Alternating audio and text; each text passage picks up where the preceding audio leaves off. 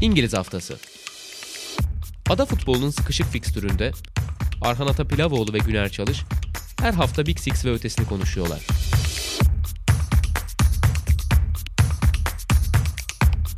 Statsbomb işbirliğiyle. Sokrates'ten, Sokrates Podcast'ten herkese merhabalar. İngiliz haftasının yeni bölümüyle karşınızdayız. Sevgili Güner Çalış'la birlikte bir ilk yarı değerlendirmesi yapacağız. Ama öncesinde uğramak istediğimiz birkaç takım var. Onlardan ilki Southampton. Ama öncesinde nasılsın diyerek başlayayım abi. Nasılsın? İyiyim çok teşekkür ederim. Sen nasılsın? İyi ben de teşekkür ederim. Hoca değişikliklerini konuşmuştuk son bölümde ve bir evet. tahminde bulunmuştuk.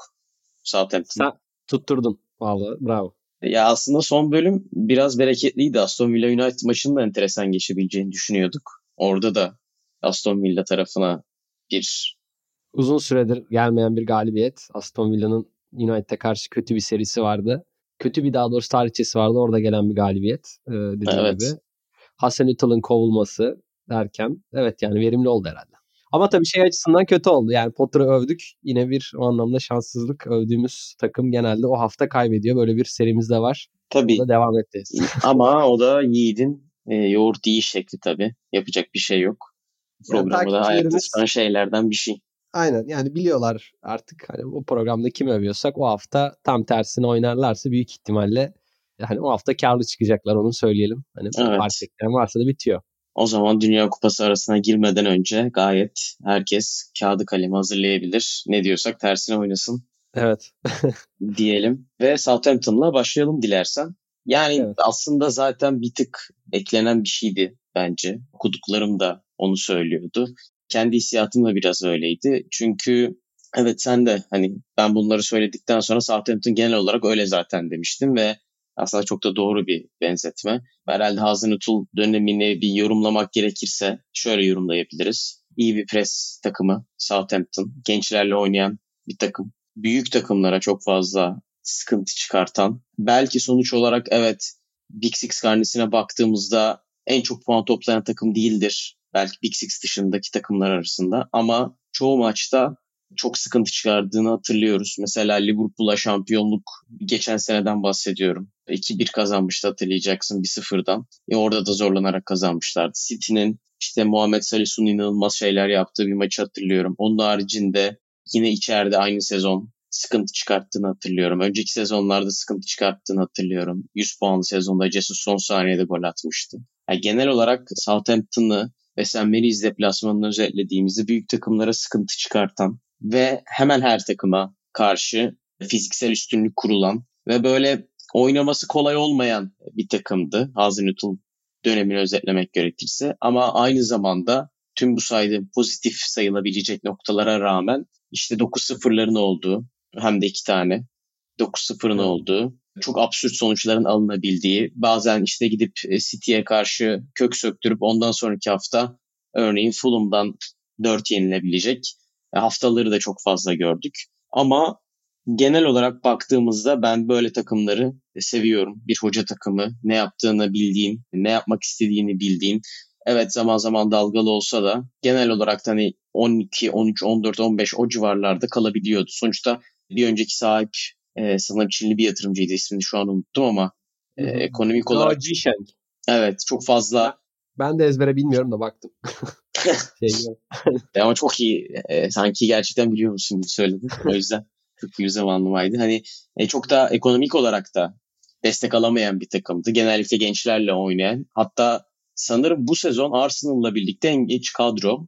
Uzun süredir de ilk 11'ine baktığında çok fazla genç oyuncu olduğunu biliyoruz. Ya bir proje takımıydı ve bu dönemin sonlandığını aşağı yukarı izlediğimde hissediyordum ve öyle de oldu. Senin düşüncelerin neler Southampton dönemiyle ilgili?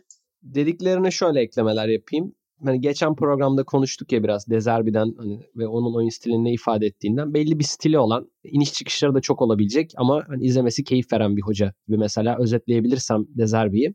Yani Hasan Utal'ın Southampton'da bence tabii ki aynı oyun stiline sahip değiller. Hatta yani çok zıt bir oyun stiline sahip olduğu da söylenebilir Hasan Utal'ın ama hani bir kimliği olan ve bu kimliğin aşırı uçları sebebiyle de zaman zaman dediğin üzere 9-0'lık mağlubiyetler de alabilen ama zaman zaman rakipleri de çok zorlayabilen ama ne oynadığını çok iyi bildiğimiz bir takımdı Southampton. Dediklerine kesin katılıyorum. Ben de benzer yönlere değinecektim. Oralardan eklemeler yapayım. Yani işte bunlardan birincisi çok para harcamıyor oluşları. Hatta bir kontrol edeyim dedim. Yani ne kadar para harcamışlar mesela diye. Hani Hasan Utal'ın olduğu dönem demeyeyim de bu yeni sahiplerle yani bir önceki sahiplerle daha doğrusu Çinli sahiplerle 5 sezon geçiriyor e, Southampton ve 5 sezonda toplam net harcaması daha doğrusu yani 27 milyon euro da kalmış mesela. Bu çok düşük bir rakam. E, çok düşük gerçekten. Bir Premier Lig kulübünden bahsettiğimizde e, hani göreceli olarak çok çok daha düşük bir e, sayı gerçekten.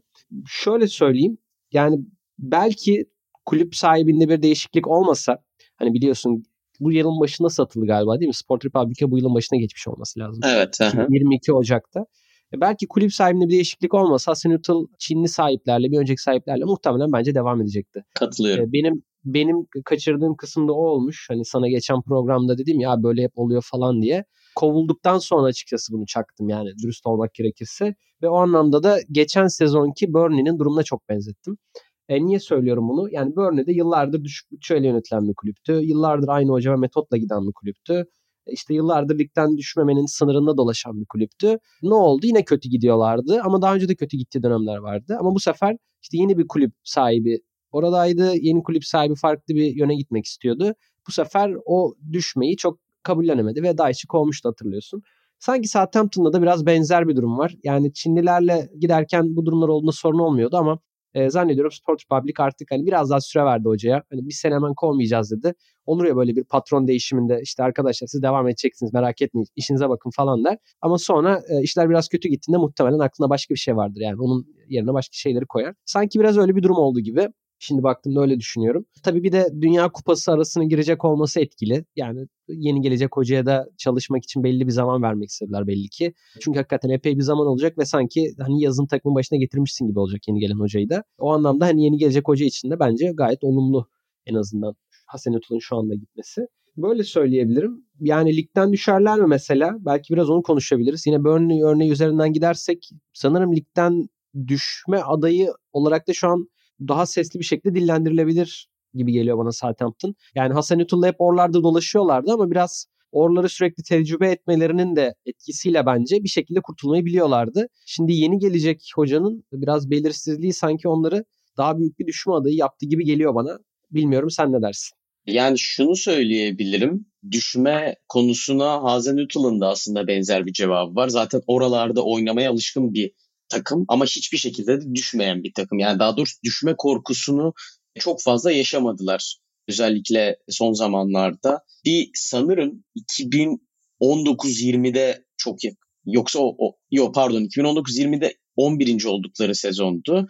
Onun haricinde genellikle 15, 16 hani o civarlarda kalıp en kötü 17. olmuşlardı sanırım ama onda da çok e, puan durumu olarak yakın değillerdi diye anımsıyorum. Hı hı. Ya o yüzden hani her sene düşmeye oynuyorlardı ve bir şekilde kurtuluyorlardan ziyade yani bir şekilde e, o düşme potasının üstünde kalıp ama ilk ona da giremeyen işte 11-17 arasında gidip gelen bir e, form grafiği vardı. Yani bu sene dediğin gibi hani o işte e, yeni bir sahibin gelmesi ve bir türlü kazanamama durumu herhalde işte yeniden bir hocaya gitme isteği doğurdu. Bence muhtemelen Azim Tul kalsaydı yine benzer bir senaryo olurdu. Çünkü onların hatırlayacaksın belli dönemlerde çok fazla kazanıp belli dönemlerde hiç kazanamama serileri oluyordu. İşte o kazanma serisiyle muhtemelen yukarı çıkaracaklardı. Ondan sonra oralarda tıkılacaklardı.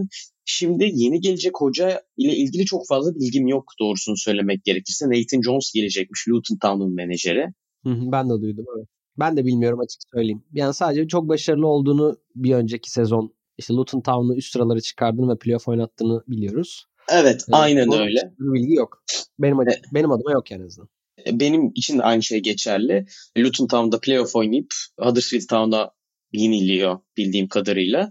Şimdi yeni bir hoca yani Championship'ten Premier Ligi geçme bilmiyorum ne kadar çok fazla aslında da gördüğümüz bir şey değil. Şu anlamda gördüğümüz bir şey değil.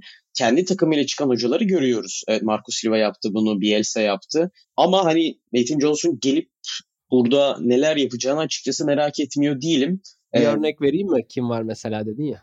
Graham evet. Potter. Swansea'den Brighton'a geçiş mesela. Ama çok istisna bir örnek de olabilir tabii o. Ee, o yazın geçmemiş miydi ama? Ha sen sezon ortasında geçtin. Sezon ortasında olarak söyledim evet. Anladım. Olabilir. Şu an böyle direkt sorunca bir şey diyemedim ama evet az olabilir ve yani riskli kesinlikle o kesin. Yani bilmiyorum biraz böyle kurtlar sofrasına genellikle kuzuyla oturulmaz denir ya. Ne kadar etkili olacak Nathan Jones bilmiyorum ama dediğim gibi hoca hakkında çok fazla bilgim olmadığı için böyle atıp tutmak da istemiyorum. Bakalım. E, ya Wolverhampton muhtemelen işte o en alttan çıkacağını tahmin ediyoruz. Lopetegui'nin de gelişiyle birlikte onu da konuşmuştuk. Son bölüm geldi. Evet o da geldi doğru. O açıdan da verimli oldu. doğru o da var. İşte o geldikten sonra oradan muhtemelen yükselecek. West Ham zaten ufak ufak çıkmaya başladı. Hani yine hala bir kazanıyor bir kaybediyor ama çıkacaktır. Bakalım yani alt tarafta ne bir kopma var ne çok fazla o gider diyebiliyorsun. Mesela Leeds United oralardaydı kazandı çıktı. Merakla bekliyorum ama dediğim gibi enteresan bir hoca tercihi. Herhalde ya, Abi sanırım şöyle bir şey oluyor. Biz mesela en azından ben, biz demeyeyim de ben kendi adıma hatırlarsın. Geçen sezonda Burnley'nin yeni sahiplerini ve seçtikleri yolu bayağı eleştirdim. Ama bu programda birkaç kere daha özür dileyebilirim. Birinde Ten Hag'dan dileyeceğim kendi adıma. Yani biraz daha haklı çıktılar açıkçası. Ben haksız çıktım öyle gözüküyor. Burnley'nin alt ligde yaptıklarına baktığımızda hani Vincent Company tercihi gerçekten e, iyi gidiyor gözüküyor. Yani sezon sonunda ne olur bilemem ama ya sanırım şöyle bir şey de var. Yeni gelen sahipler artık bir noktadan sonra Premier Lig'de kalmaktan ziyade yani yeni bir şey yapmak istiyorlar sonuçta. Kendi imzalarını atmak istedikleri için sanıyorum hani o sezon artık ligde kalma gitme değil de 3. Se 3 sezon sonra nerede olabiliriz? Galiba belki biraz ona bakıyorlar.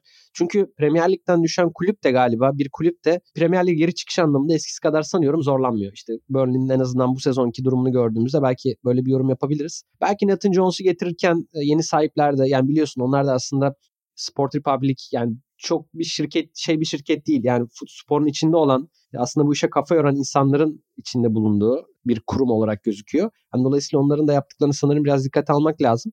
Yani belki de ligden düşsek bile işte Nathan Jones'a birkaç sezon devam edelim ve burada yeni bir yapılanma ortaya çıkaralım diye düşünüyor olabilirler. Bilemiyorum böyle bir şey olabilir. Yani o anlamda da hani ligden düşmeme, düşmeyi de o kadar önemsemiyor olabilirler belki gibi geliyor bana. Çünkü yani senin de dediğin üzere çok iddialı bir tercih değil. Kulüp zaten çok iyi gitmiyor falan. Ama belki de biraz gözden çıkarlar o anlamda Premier Lig bilemiyorum. Yani %100 Sport Republic için dediğin kısma katılıyorum kesinlikle zaten. Bir bildikleri var dersin. tam onu diyecektim yani. Elbette enine boyuna tartışıp bir karar vermiş olabilirler. E, yani söylediğin kompanya örneği de gerçekten doğru. Bakalım elbette bir bildikleri vardır demekten başka bir çaremiz olmuyor. Aslında baktığında Wolverhampton da benzer bir yola girdi. Alt ligden bir hoca getirmek istediler. İşte geçen bölümde zaten konuştuk. Demek ki hani Championship'in teknik direktörlüğüne de bir güven var. Yani en azından Premier Lig'de. Bunu da belki söyleyebiliriz diye evet, düşünüyorum. Evet, ya orada, oradaki seviye de eskisine göre sanırım daha yüksek görülüyor. Gelen oyunculardan da baktığında yani çok yakın bir dönem değil belki ama mesela Mason Mount'un neticede şampiyonşip performansıyla atıyorum. Direkt Chelsea'ye geçti. İşte benim hatırladığım Grealish var. İşte West Ham'ın Brentford'un yaptığı transferleri falan sayabiliriz. Jared Bowen'lar vesaire. Hani sanıyorum o anlamda da bir etki yaratıyor. Yani sonuçta şey olurdu ya eskiden Portekiz'den oyuncu neden çok alınırdı? Yani oradan aldığın oyuncunun bir güvenilirliği var çünkü iyi çıkıyor. Yani Hollanda için mesela bu geçerli değildi. Şampiyonşipte sanıyorum oradan gelen oyuncuların belki antrenörlerin de Premier Lig'de olumlu katkı vermesiyle e, belki de o anlamda rüştünü ispat etmeye başlamıştır. Bir de muhtemelen bence tamamen artık belirli bir oyun düzeninden çıkıp biraz daha farklı oyunları da kendi içerisinde barındırması. Hani işte Nuno Espirito Santo'yla, Bielsa'yla vesaire bir değişim yaşaması ve şu an liderin kompani olması. Bence evet. o da herhalde o bir değişimi de gösteriyor Championship'te. Ya abi şöyle zaten Premier Lig mesela bundan 10 sene önce hala İngiliz tipi oyunun oynanan oyunun oynandığı bir ligde yani pas oyunu oynayan bir takım gördüğünde o mesela fark yaratıyordu. Bu tamamen kırıldı. Bundan bence 5 sene önce de 10 seneye geçtim. Championship ben şey diye değerlendiriyorum yani işte Premier Lig'in 2000'lerdeki hali gibi diye değerlendiriyordum oyunun oyun olarak. Şimdi Championship'te de o kırılmaya başladı. Herhalde bir alt lige geçti artık. Yani eski İngiliz stili oyun oynandığı lig olarak belki Lig One'ı görüyor olacağız. Yani o anlamda da Premier Lig'in e, sanki bir staj versiyonu gibi bir hal almaya başlamış olabilir şampiyonşipte. Yani çok hipotetik bir yorum bu ama sonuçta daha iyi belki gözlemlere ihtiyaç, daha iyi takip eden insanların yorumlarına ihtiyaç vardır ama sanki öyle gözüküyor uzaktan öyle söyleyeyim.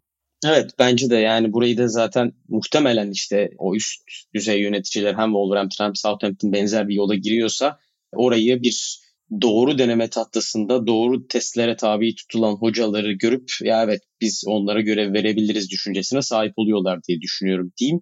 Ve dilersen buradan hem Newcastle'a hem de aslında genel olarak bir ilk yarı değerlendirmesine göz atalım ne dersin? Olur. Yani Newcastle'a hiç değinmedik. O kadar program yaptık. O anlamda geç kaldık gerçekten. Artık ilk yarı biterken en azından bir değerlendirme yapmamız gerekiyor diye ben kendi adıma düşündüm. İstersen sen başla. Ben senin daha çok ilgini çeken, sevdiğin bir takım olduğunu düşünüyorum. Ben de aralarda kendi notlarımı eklerim istersen. Olur. Yani aslında Newcastle konuşmak konuşmaya nereden başlamak lazım diye düşünüyorum bazen. Çünkü kesinlikle bir değişim yarattı Eddie Howe. Ve ilk geldiği zaman böyle çok da büyük değişimler yokmuş gibi gösteriyordu. Bir Liverpool maçına kadar, deplasmanda Anfield'da oynanan Liverpool maçına kadar ben böyle çok dramatik değişiklikler görmüyordum. Hatta hatırlayacaksın Gerrard'la birlikte gelmişti. Yakın dönemlerde gelmişlerdi yanlışım yoksa. Ve Gerrard evet, biraz daha fazla oldu. değişimde bulunuyordu. Daha fazla bir değişim gösteriyordu. Geleceğe daha vaat veriyordu ama o Liverpool maçının ben bazı şeyleri değiştirdiğini düşünüyorum. Orada Joelinton'u tamamen merkeze çekmesi, beşli bir savunma, düzeltiyorum beşli bir orta saha kurması, 4-5-1 ve bazen işte 5-4-1 Joelinton stopere kadar takiplerde bulunuyordu orta sahayı veya kanat beklerini. Orada Newcastle'a dair bazı şeylerin umut verdiğini hissettim. Yani bu takım enteresan bir takım olma yolunda diye hissediyordum ve genel olarak özellikle bu seneki değişimle birlikte de hani bu takım evet bir fikir veriyor, bir mesaj veriyor hissiyatına tamamen kapıldığımı söyleyebilirim. Onlardan bir tanesi bu bahsettiğim aslında savunma yapısı. İşte bir pres takımına dönüştü bence Newcastle United. İyi bir savunma takımına dönüştü. Çok rahat bir şekilde gol yemeyen, kendi iç sahasında özellikle çok iyi işler yapan, şu an iç sahada mağlubiyetleri yok. Premier Lig'de sadece 5 gol yediler. Bence bu çok değerli bir durum. Ve genel olarak nasıl bir savunma takımı olduklarına iyi bir delalet olduğunu da düşünüyorum. Hem maç başına gol beklentisinde hem genel gol beklentisinde gerçekten iyi iş çıkartıyorlar. E, şu an 11 gol yediler toplamda ve bunu 14 gol beklentisinden yediler. Yani hani biliyorsun bu tarz Premier Lig'de yükselişe geçen takımların hani bazen sayılarının üstüne çıktığını görebiliyoruz. İşte belki 15 gol beklentisi üretip 30 gol atabiliyorlar. Olabiliyor bu. Ama hani Newcastle'da durum tam olarak böyle değil. 22 gol beklentisinden 28 attılar. Çok absürt bir sayı değil. Evet biraz yukarı çıktılar ama 14'ten de 11 e, yediler. Yani sayılar da öyle çok Newcastle'ı pohpohlamıyor diyeyim. Sürdürülebilecek gerçekten, sayılar. Gerçekten güçlü bir takım var karşımızda. Büyük maçlarda da gördük bunu. O anlamda etkileyici bence gerçekten. Yani ben evet. e, atıyorum 7. 8. sırada olmalarına çok şaşırmazdım. Yani zaten beklenen oydu ama şu anda yani ilk dördü kırabilecek bir takım olarak gözüküyorlar. Bu e, tabii işte Liverpool'un formsuzluğu e, onu da belki biraz konuşuruz. Beklenmedik herhalde diyebileceğimiz düşüşü. Chelsea'nin sorunları, United'ın sorunları derken çok ciddi bir ilk dört aday olarak gözüküyor şu an Newcastle. Ama e, hatırlarsın biz böyle Big Six'ten birisini çıkartmak zorunda kalırsak en azından hemen arkadan Newcastle'ın gelebileceğini konuşuyorduk. Yani kafasını sokabilecek bir ilk dörde sokabileceğini tahmin etmiyorduk belki ama oraların takımı olmaya en büyük adaylardan birisi gibi gözüküyordu zaten. Hem sezonu bitiriş evet. şekli hem zaten işte mevcut ekonomik durum kadronun biraz yükselmesi vesaire ama Eddie Howe bence kesinlikle iyi bir savunma takımı, iyi bir pres takımı yaratmayı başardı. Ve üstüne üstlük bu takım şu açıdan da bence değerli bir noktada bulunuyor. İlk geldiği günlerde biliyorsun işte sahipler çok büyük yatırımlar yapılacağı vesaire konuşulurken çok fazla para harcamadan bu işi yapacağız demişlerdi. Ve bence nokta nokta transferler yaparak kadroyu enteresan bir şekilde güzel bir şekillendirmeye soktular. O açıdan da ben gerçekten takdir edilebilecek bir proje olduğunu düşünüyorum. Yoksa yani bir anda parayı yığıp farklı kişilere gidebilirlerdi ama onun yerine işte çok nokta bir Kieran Trippier eklemesi, Bruno Gimaraj eklemesi, işte Chris Wood'dur, Dan Burn'dur vesaire derken şehreyi değiştirdiler ve bu takıma bir kimlik kazandırmayı başardılar. Bence değerli bir nokta. Evet kimliği vardı Newcastle United'ın ama çok negatif bir kimliği vardı. Hiç pres yapmayan bir kimliği vardı. Tamamen uzun top takımıydı ve bu kadar fazla reaktiflik yeni gelen oyuncularla olacak bir şey değildi. Sonuçta İngiltere milli takımının sağ beki sizde, yetenekli bir Brezilyalı orta saha oyuncusu sizde. Evet takımın çehresi değişti. İyi bir ayağı olan stoper sizde. Farklı şeyler oynamanız gerekiyordu. Ve daha bu farklı şeyleri sunabildi bence. Sen James Park'ı yeniden bir kaleye dönüştür. Dediğim gibi sadece 5 gol yedi. En az gol yiyen takım içeride. Yani tüm bunlara bakınca iyi bir çehre değişimi olduğunu görebiliyoruz sanki Newcastle'da. Evet ya ben de notlarımdan biriyle o zaman başlangıç yapayım senin söylediklerine alakalı. Mesela yani Newcastle'ın sahiplerinin ne kadar güçlü, ne kadar para sahibi olduğunu biliyoruz. İşte Suudi yatırım fonu sonuçta satın aldı. Benzer kulüplerin üzerinden ben örnekler vereyim dedim. Mesela Manchester City, Chelsea veya Paris Saint Germain'e baktığında Chelsea'de hiçbir zaman işte Newcastle'daki bir yapılanma olmadı. Yani hala bile olduğu şüpheli. Abramovich döneminden bahsediyorum. Yeni alınan sahiplerde de olmadı. Hani sen dedin ya küçük küçük transferler yaptılar. E, aslında çok büyük isimlere gitmediler diye. Mesela Chelsea hatırlarsın yani Crespo'ların olduğu işte Verona'nın olduğu falan çok büyük bir transfer dönemiyle başlamıştı. İşte Manchester City çok benzer. Robinho'ların, işte Adebayor'ların, Tevez'lerin alındığı bir transfer dönemi. E, keza Paris Saint Germain öyle artık hani anlatmaya gerek yok. Hala zaten buna devam ediyorlar. E, bu kulüplerin aslında tamamı çok büyük işte kendilerini öne çıkaran hamleler yapıp önce bir giriş yaptılar. Bunların bir kısmı daha sonra önemli yola girmelerini işte özellikle mesela Manchester City çok önemli sportif direktörlere yani antrenörün de üzerinde bir yönetici figürüne borçluydu bence. İşte Begiristain ve Soriano'dan bahsediyorum City için. Newcastle'da mesela böyle bir figür çok başına geldi. Ben sürekli bu ismi övmeyi önemsiyorum. İşte Dan getirdiler mesela. Bence yaptıkları en önemli hamlelerden biri çünkü Dan yani gerek İngiltere milli takımında gerek Brighton'da yaptığı işlerle adını hakikaten altın harflerle yazdırmış bir isim bana göre. Sportif direktör olarak, CEO olarak. Newcastle'ın yaptığı en önemli işlerden biri bana göre oydu. Dolayısıyla hani hakikaten adımlarını çok güvenli, tutarlı atıyorlar ve bu anlamda da bence işte diğer kulüplerden biraz farklılık gösteriyorlar. Eddie Howe da sanki bana böyle biraz kurucu hoca olacak gibi geliyordu. Benim öyle bir tabirim var kendimce. İşte City'deki işte Mancini diyebiliriz belki ve de Mancini öncesi Hughes diyebiliriz işte Paris Saint Germain'deki Ancelotti veya Blanc diyebiliriz. Yani takımı ilk satın aldığında sahiplerin takımı ilk yukarıya çıkaran hoca figürü ama orada tutacak hoca figürü değil. Yani daha sonra gelecek hocalar oluyor onların yani biraz onun gibi geliyordu. Ama Edav'ın gösterdikleri gerçekten etkileyici yani senin de dediğin gibi ben bu kadar büyük bir başarı beklemiyordum. Çünkü e, şunu da söylemek lazım. Hani takım burada ama aslında önemli oyuncular da sakat bir şekilde burada. İşte mesela İsa transfer ettiler ama İshak çok uzun süre oynayamadı. Veya Sen Maximen mesela takımın önemli bir ön alım oyuncularından biriydi oynayamadı. Ama buna rağmen veya işte almak istediği oyuncuları evet çok para harcadı Newcastle.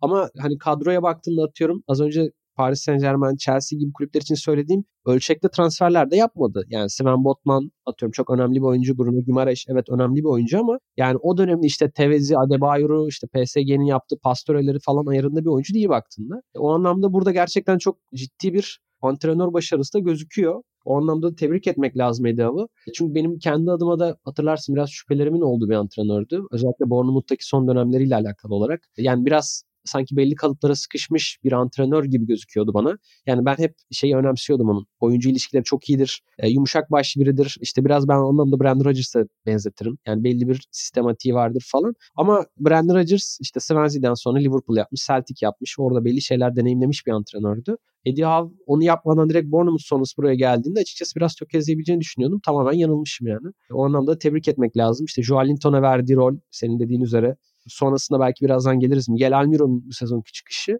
Hı hı. E, doğrudan herhalde Edava yazmak lazım. Biraz aslında orayı konuşmak gerekiyor diyecektim ben de. E, bu arada o bahsettiğim yumuşak başlı figürüne dair e, okuduğum bazı şeyler hocanın özellikle bu pres takımını ortaya çıkartırken ki gerçekten bir pres takımı hakkında söz edebiliriz. Hemen hep bahsettiğimiz bir metrikten bahsedeyim. Ön alan baskısı ne kadar iyi yaptığınıza dair bir metrik. mi? Evet orada dördüncü sırada Newcastle United. Ve iyi bir sayıyla 8.02 bu sayı ne kadar düşükse o kadar iyi baskı yapıyorsunuz. Onu tekrardan hatırlatalım. Leeds, Chelsea, Liverpool'a Newcastle United olarak geliyor. Arsenal ve City'nin önündeler. Brighton'ın önündeler. E, bu açıdan değerli olduğunu düşünüyorum takımın böyle bir çehre değiştirmesini. Ve bu konuda Eddie Howe'ın bu mentaliteyi aşılamak için zaman zaman sert çıkışları olduğunu, zaman zaman sert yüzünü de gösterdiği söyleniyor okuduğum kadarıyla. E, bir de şunu söyleyebiliriz. Bence hani sen de zaten bahsettin. Kesinlikle oyuncuların çehresini de değiştirdi. Yani sadece takımı değil oyuncuların da profillerini değiştirdi. İşte Joe Linton'a farklı bir rol verdi. E, Trippier'ı hani sonuçta ne olursa olsun Atletico Madrid'den geliyor. Yüksek bonservis bedeli ödenmiş İngiltere milli takımının sağ beki Tottenham kariyeri var. Newcastle'a gelmek bir düşüş olarak gözükebilir kendi kafasında ama hani hayır geldi, iyi entegre oldu, sakat sakatlık yaşamasına rağmen işte Joe Willock enteresan bir role evrildi. O performansını yükseltti. O potansiyelini biraz doldurmaya başladı. Almiron kesinlikle çok formda. Bruno Guimaraes yine keza kendi performansını yükseltiyor. Derken hani her oyuncuya dokunan ve her oyuncunun aşağı yukarı performansını e, yükselten bir Eddie Howe figüründen de bahsedebiliriz sanki. Bunu söylemekte de bir beis yok bence. Evet evet ya zaten bence Edav'ın önemli en önemli yönlerinden biri de odur. Hani Türkiye'de mesela Şenol Güneş için söylenir ya oyuncuya bir dokunuş yaptı. Ne yaptı? İşte dokunuş yaptı yani falan gibisinden. O oyuncu ilişkileri zaten bence hep üst düzeyde bir antrenördü. Ya Ryan Fraser'ı mesela işte böyle kendi diyordu galiba Fraser. Şişko ve hani ne yaptığını bilmeyen bir oyuncudan etkili bir kanat oyuncusuna dönüştüren biridir mesela aynı zamanda Eddie Howe. Yani böyle dokunuşları iyi yapan biri. İşte Miguel Almiron'da veya Joelinton'da da gerçi Joelinton'u çok okumadım ama Almiron'la alakalı yazılan yazılarda mesela yine ben bunu gördüm. İşte Almiron'a özel olarak savunma arkasına yapacağı koşuları çalıştırmış. Onu o role ikna etmiş vesaire. İlla ki diğer oyuncularda da böyle küçük dokunuşları vardır. Yani o anlamda gerçekten önemli bir antrenördü zaten. Ben sadece dediğim gibi Bournemouth döneminde biraz kafa karışıklığı mı diyeyim. Yani takımı üst sıraları çıkaracak oyunu bulamamasını diyeyim bilmiyorum. O anlamda bir sıkıntı yaşadığını düşünüyordum ama Newcastle'da kesinlikle hem kazandıran formülü bulmuş hem de bu formüle oyuncuları ikna etmiş gözüküyor. Eddie. Biraz şeyden bahsedelim gerçekten öne çıkan oyuncularda. Mesela Almiron'u söyleyebiliriz ki bence ilk yarının hani bir 11'ini yapsak ben şu an sağ kanada yazarım kendisini. Evet bence de alınabilir kesinlikle. Çok fark yarattı. Bence Gimaraş da oralara girebilir. Newcastle'ın seviye atlamasındaki en önemli oyunculardan birisi bence. Evet. Onu da söyleyebiliriz. Yani Almiron mesela yani geçtiğimiz senelerde esas problemi gol olan bir oyuncu olarak söylenebilir. Yani bir hücum oyuncusu ama gol atamıyor. İşte çok yararlı, çok çok süratli bir kere. Yani sen de fark etmiştin. Acayip patlayıcı bir oyuncu. E, aynı zamanda çalışkan da bir oyuncu ama gol atamıyor gibi bir durumu vardı mesela. Bu sezon kaç gol oldu? 7 veya 8 gol olması lazım. Ve her hafta atmaya devam ediyor. İşte onu mesela sağ kenara dönüştürülmesinde çok önemli bir etkisi olmuş etrafında. Çünkü aslında sağ kenar almak istiyorlarmış yazın. O oyuncuyu bulamadıklarından e, bu sefer Almiron'un üzerinde bunu çalışmaya başlamış. Yani seni daha verimli bir oyuncu haline böyle getirebiliriz gibi. Ve ortaya çıkan şey gerçekten çok etkileyici. Bence mesela söylediğin cümlelerde bir tane kritik nokta var. Oyuncu bulamadıkları için. Yani Newcastle'ın oyuncu bulamama gibi bir durumu olabilir mi? Sahip oldukları ekonomik güçle olamaz. Yani o doğru oyuncuyu aramaları işte Sven Botman'da olduğu gibi, Bruno Gimareş'te olduğu gibi yani parayı çarçur edelim ve gidelim işte sağ kanatta şu an aklıma oyuncu pek gelmedi ama çok büyük bir para verip birisini alalım. Anthony'ye talip olalımdan ziyade e, gerçekten bizim işimize yarayabilecek ve projeyi maaş dengesinde gözeterek oyuncular evet. arasındaki dengeyi de gözeterek doğru isme gidelim, doğru profile gidelim. Bulamıyorsak da içimizdekini geliştirelim fikri Aynen öyle. bu kadar yüksek paraya sahip olan bir kulüp için bence değerli. Ya Botman'ı da biliyorsun ilk bir alamadılar hatta. Yanlış hatırlamıyorsam 6 ay falan beklediler. Bir sonraki transfer döneminde aldılar. Yani evet. illaki onu illaki onu alacaklardı.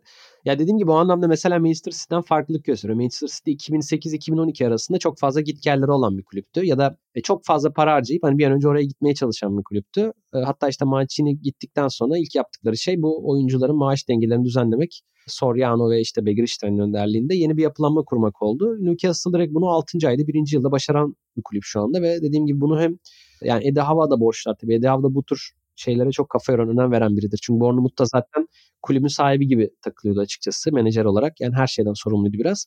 Ama dediğim gibi onun üzerinde onun da üzerinde kesinlikle Dan, Dan Ashford'a borçlular. Çünkü yani kulübün felsefesinin belirlenmesi konusunda zaten İngiltere'nin yetiştirdiği en önemli yöneticilerden biri bence. Hani nasıl Potter'ı övdüysek İngiltere'nin uluslararası çapta futbolda e, önemli bir teknik elemanıysa hani teknik ekip anlamında söylüyorum. E, Dan Ashford da hani yönetici figür anlamında nasıl atıyorum İspanya'dan Monchi diyorsun. E, İngiltere'den atıyorum e, söylenebilecek en önemli isim herhalde bana göre. Onu da söyleyeyim. Yani Newcastle'ın onu alması da hakikaten çok başarılı bir hamle olarak görüyorum. Öyle. E, son olarak bir Nick Pope'a parantez açabiliriz belki. O da bence hani İngiltere milli Biraz takımında değeri verilmeyen bir kaleci sanırım. Yani Burnley'de uzun süredir oynadığı için çok iyi bir kaleci aslında.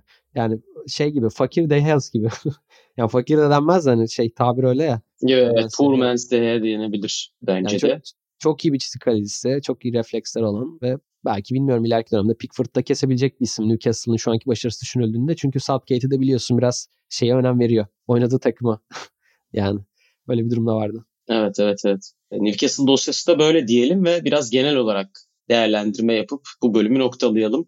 Nereden başlamak gerekir? Dilersen hani e, sana İlk sorayım. değerlendirme istiyorsun değil mi? Evet yani böyle dikkatini çeken takımlar özelinde biraz belki konuşabiliriz. Parantez açmak istediğin takımlar, oyuncular varsa onlar hakkında konuşabiliriz. Öyle tamamlayalım. Ben, tamam. Ya ben şöyle düşündüm. Biraz podcast'i ne dedik, nasıl oldu şeklinde de kurgulamayı kendi adıma seviyorum. Yani en tutarlı olabilmek, hem biraz geriye dönebilmek için.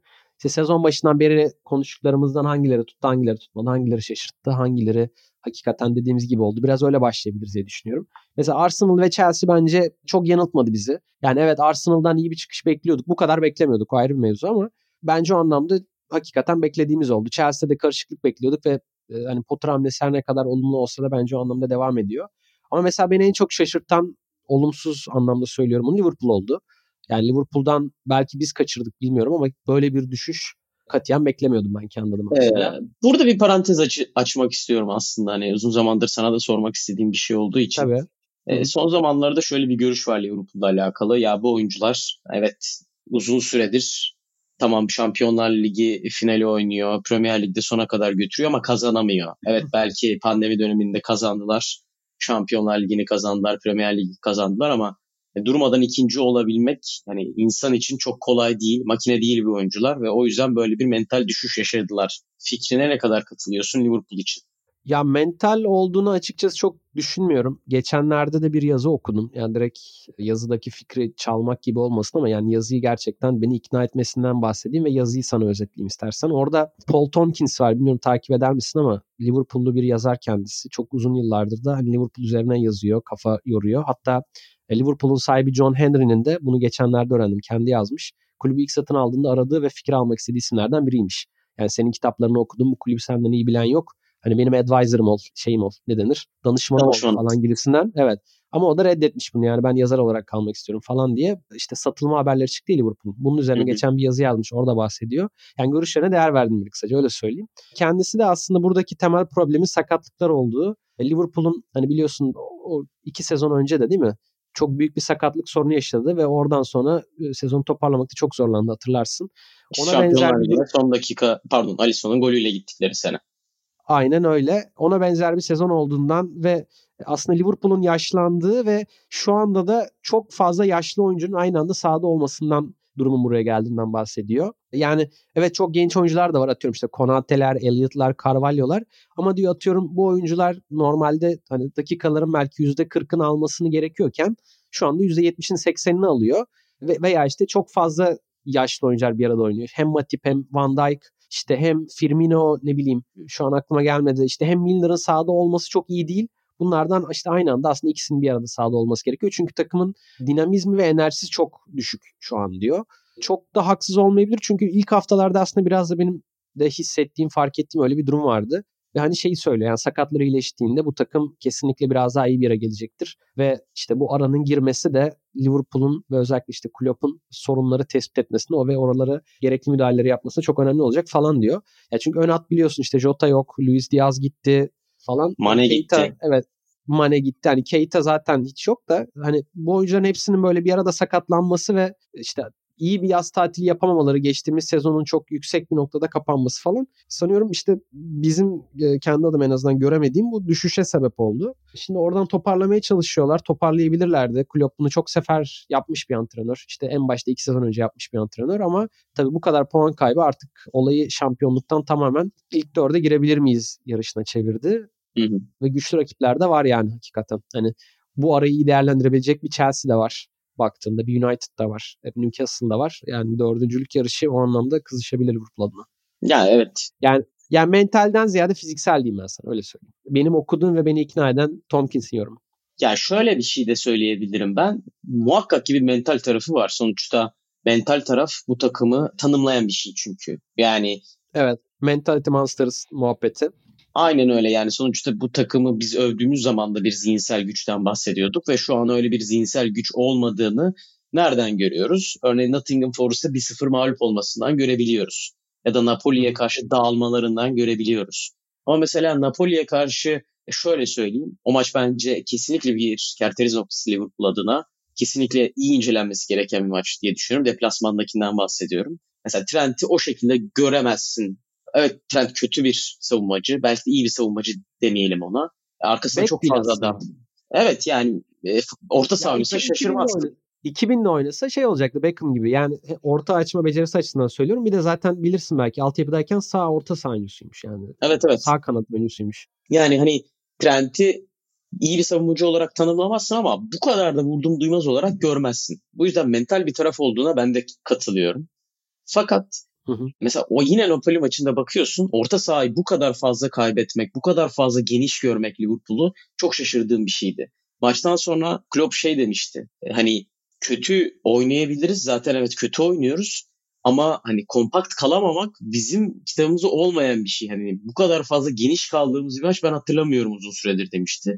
Ve gerçekten hani bu kadar fazla hatların arasının kopuk olması vesaire sadece mental bir düzeyle açıklanacak bir durum da değil bence. Yani sonuçta ne olursa olsun sahada gördüğüm bir şey var. Evet mental olarak kopukluklar yaşayabilirsin ki Trent'in arkasına adam kaçırması vesaire tamam.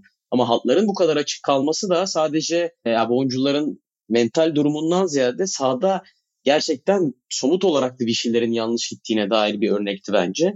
Ve bu genel olarak sezona sirayet etmiş durumda. Ve burada işte Nunez'in bir türlü devreye girememesi, Firmino'nun onun yerini doldurmaya çalışması vesaire derken farklı farklı noktalara da iş gitti. Ve e, hani bakalım ne olacak sezon bilmiyorum ama üst üste 3 galibiyet alamamış olması şu an Liverpool'un Premier Lig'de hala bence onlar adına en önemli sorunların başında geliyor. Bir türlü motoru ısındırtamadılar. Bir türlü istedikleri e, form durumunu yakal- yakalayamadılar. Şimdi Southampton ama ondan sonra Aston Villa var. Tabii Dünya Kupası arası giriyor ayrı bir konu ama bakalım e, Liverpool adına neler olacak diyelim ve başka bir takıma geçelim dilersen. Son ben şey eklemek istiyorum sadece. Trent'le alakalı söyledin ya ona çok küçük bir ekleme yapmak istiyorum. Ya şöyle bir durum var mesela. Klopp'un takımlarında hep gördüğüm bir şey bence.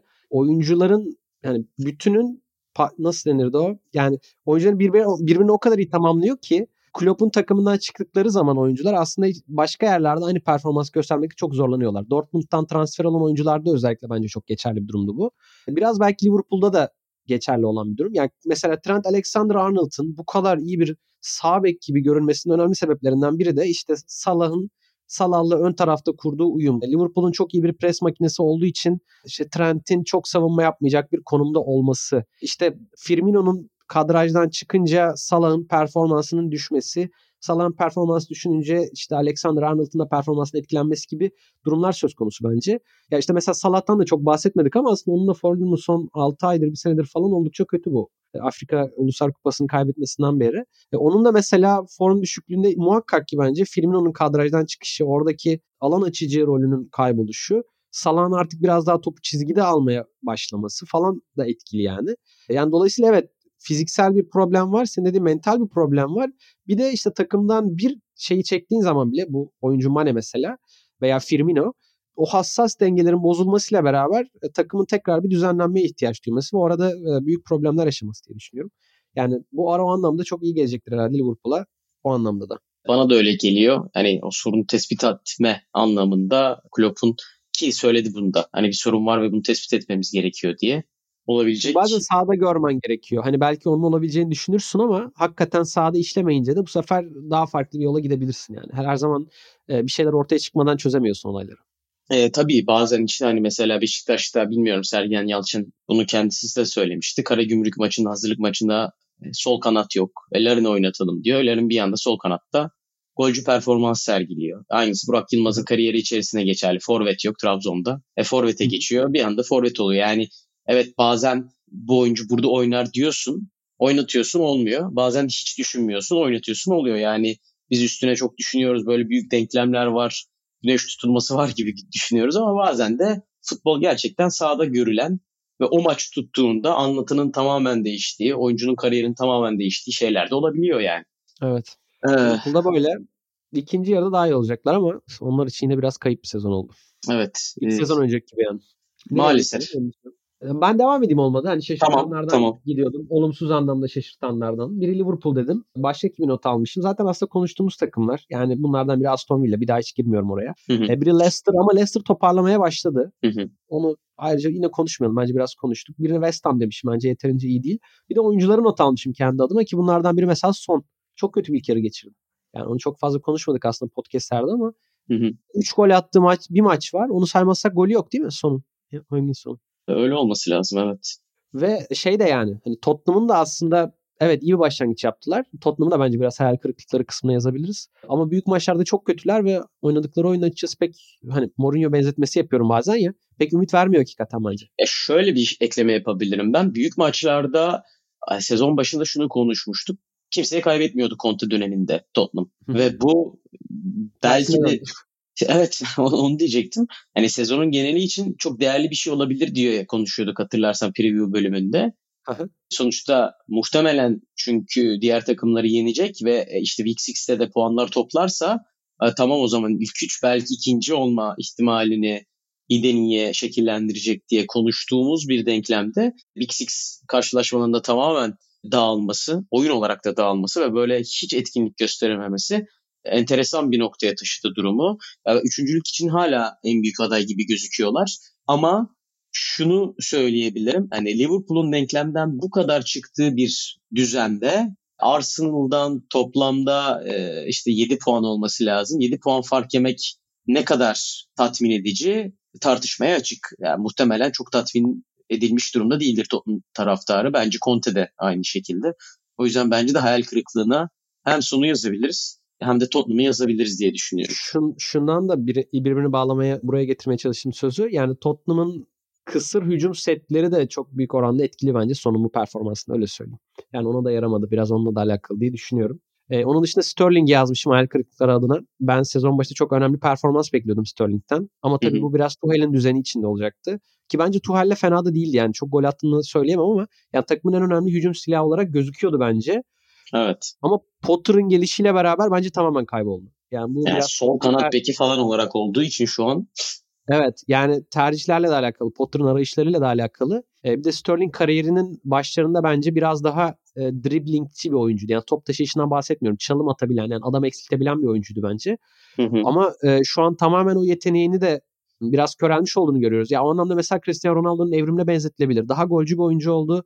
E, daha iyi koşular atan, topsuz oyunda çok daha gelişmiş. Daha iyi bir futbolcu oldu aslında ama adam eksiltme özelliği de eksilmiş gibi gözüküyor ve o anlamda da bence hani kenarda oynaması onu çok daha kısır ve etkisiz bir oyuncu gibi göstermeye başladı diye düşünüyorum. Biraz Potter'ın sisteminde de o var şu an. Ya muhtemelen mesela polis için veya atıyorum Hakim Ziyech'in kenardan gelip içeriye kat etmesi daha verimli olabilir.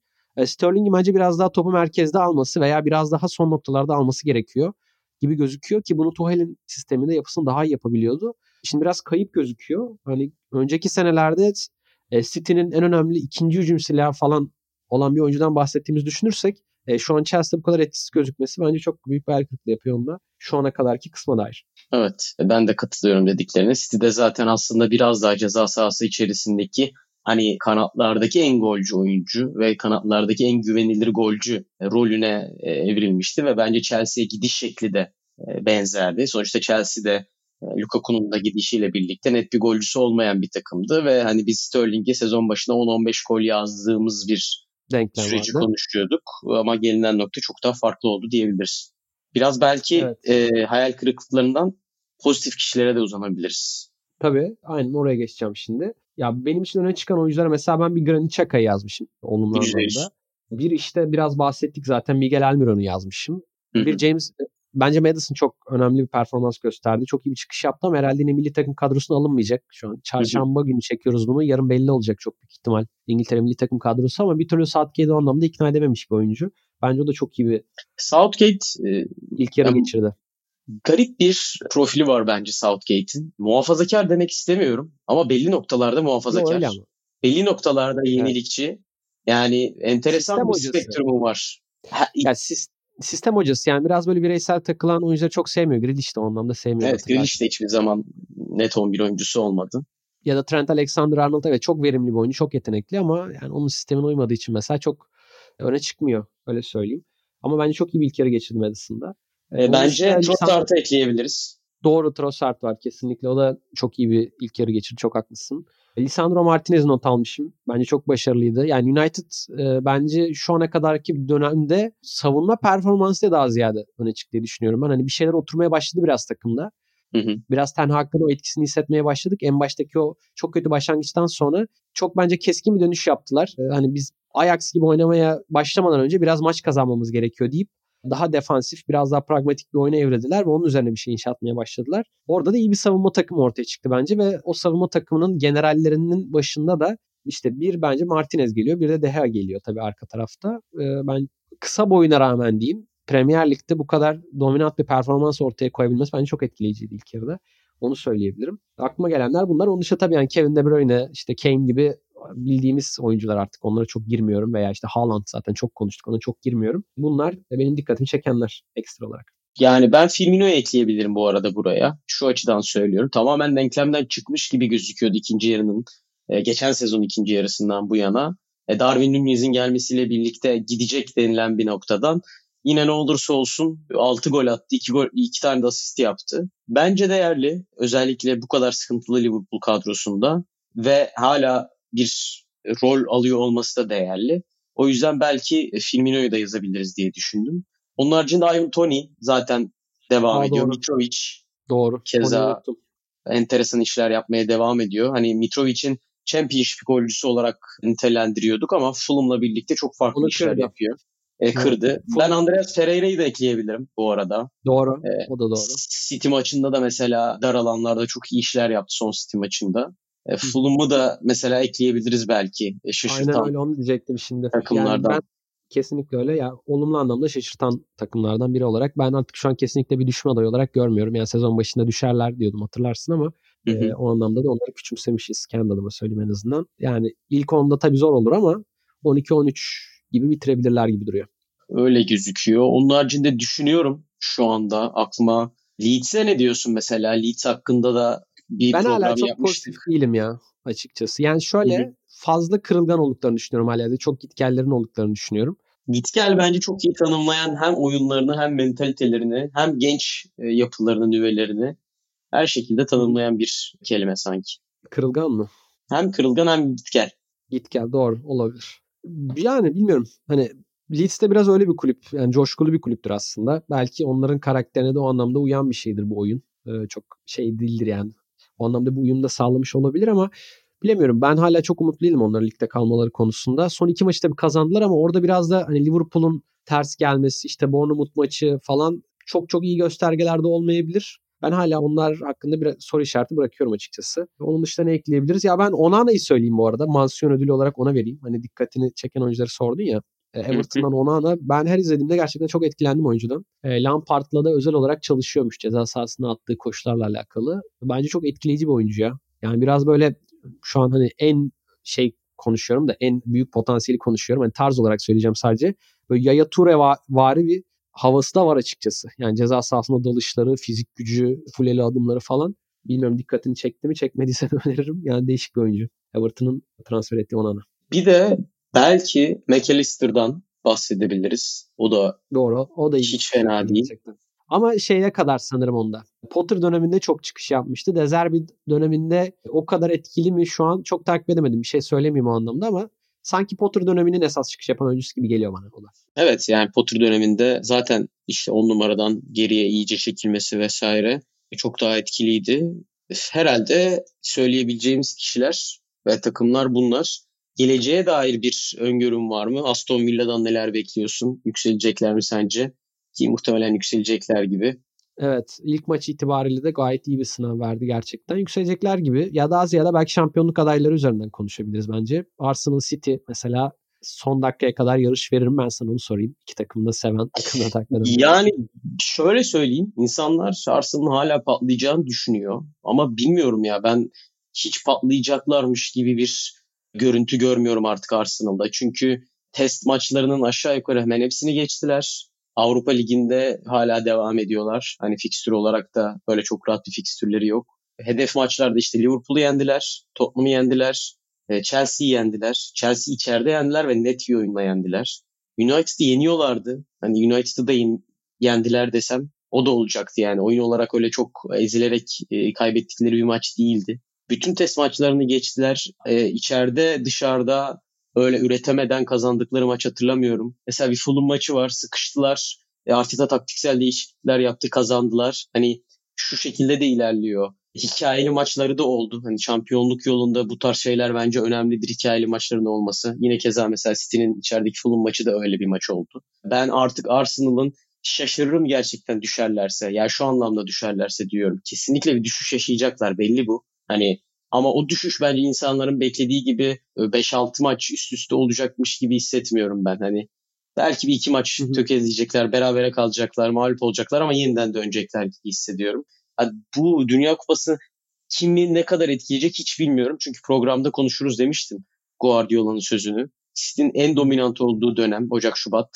E işte daha doğrusu evet Ocak-Şubat ama Aralık'ta başlayarak geliyorlar buraya. Kasım, Aralık, Ocak-Şubat yapıyorlar.